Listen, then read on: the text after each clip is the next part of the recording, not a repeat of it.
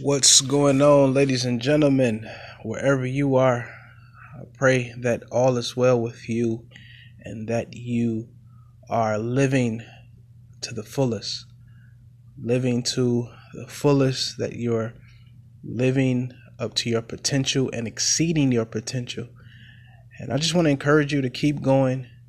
Um, don't allow the criticism, the negative thoughts spoken towards you or the negative spirits that uh, come to devour you or keep you from going um, to where you see yourself going, um, to stop you from getting to where God wants you to be. Listen, if God has birthed a vision in you, if God has birthed dreams and ambition, He doesn't make a mistake. God did that intentionally for you to be successful and to you to and for you to arrive uh, to your destination. So um, I just want to tell you that you ought to be um, aware of those signs and those people and but that you continue to strive and keep your focus on God. Listen, you are to keep your mind set on the one who has given you those distinct gifts and the one who has the ability to pull you through um, the darkest moments, the the not so easy going moments, those valley moments, um, and just continue to push your way and press your way to get to the very place in which God wants you to get to. I believe that God has um, placed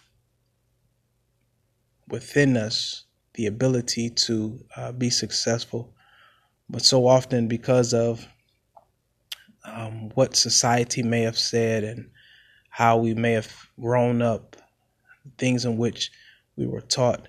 Sometimes those uh, things in which we were taught uh, can limit your potential, can limit you and keep you closed in and restricted and build you up into a comfort zone. But when you are of God, God literally um, calls us to leave the confines of a comfort zone um, to step out in faith and to execute every instruction which He has placed within your spirit.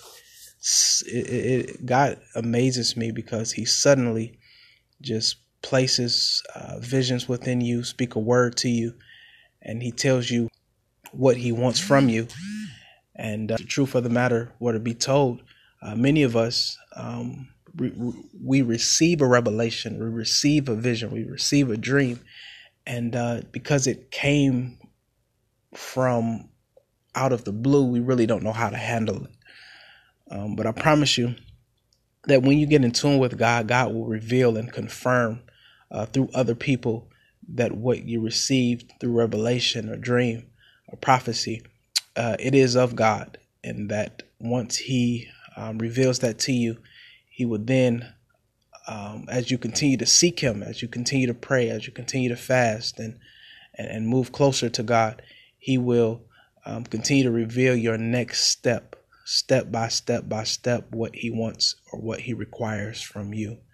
Um, so whatever it is, if it's a, if, it's a, a business, if it's uh, going back to school to get a degree, if it's um, to uh, I don't know what it is for you, but whatever it may be, uh, continue to pursue God and continue to go to Him who gave you the the, the, the vision, the dream, and, and seek His face that He may reveal.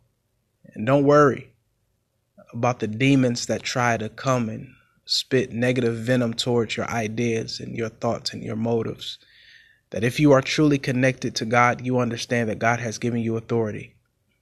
That as uh, Jesus had given um,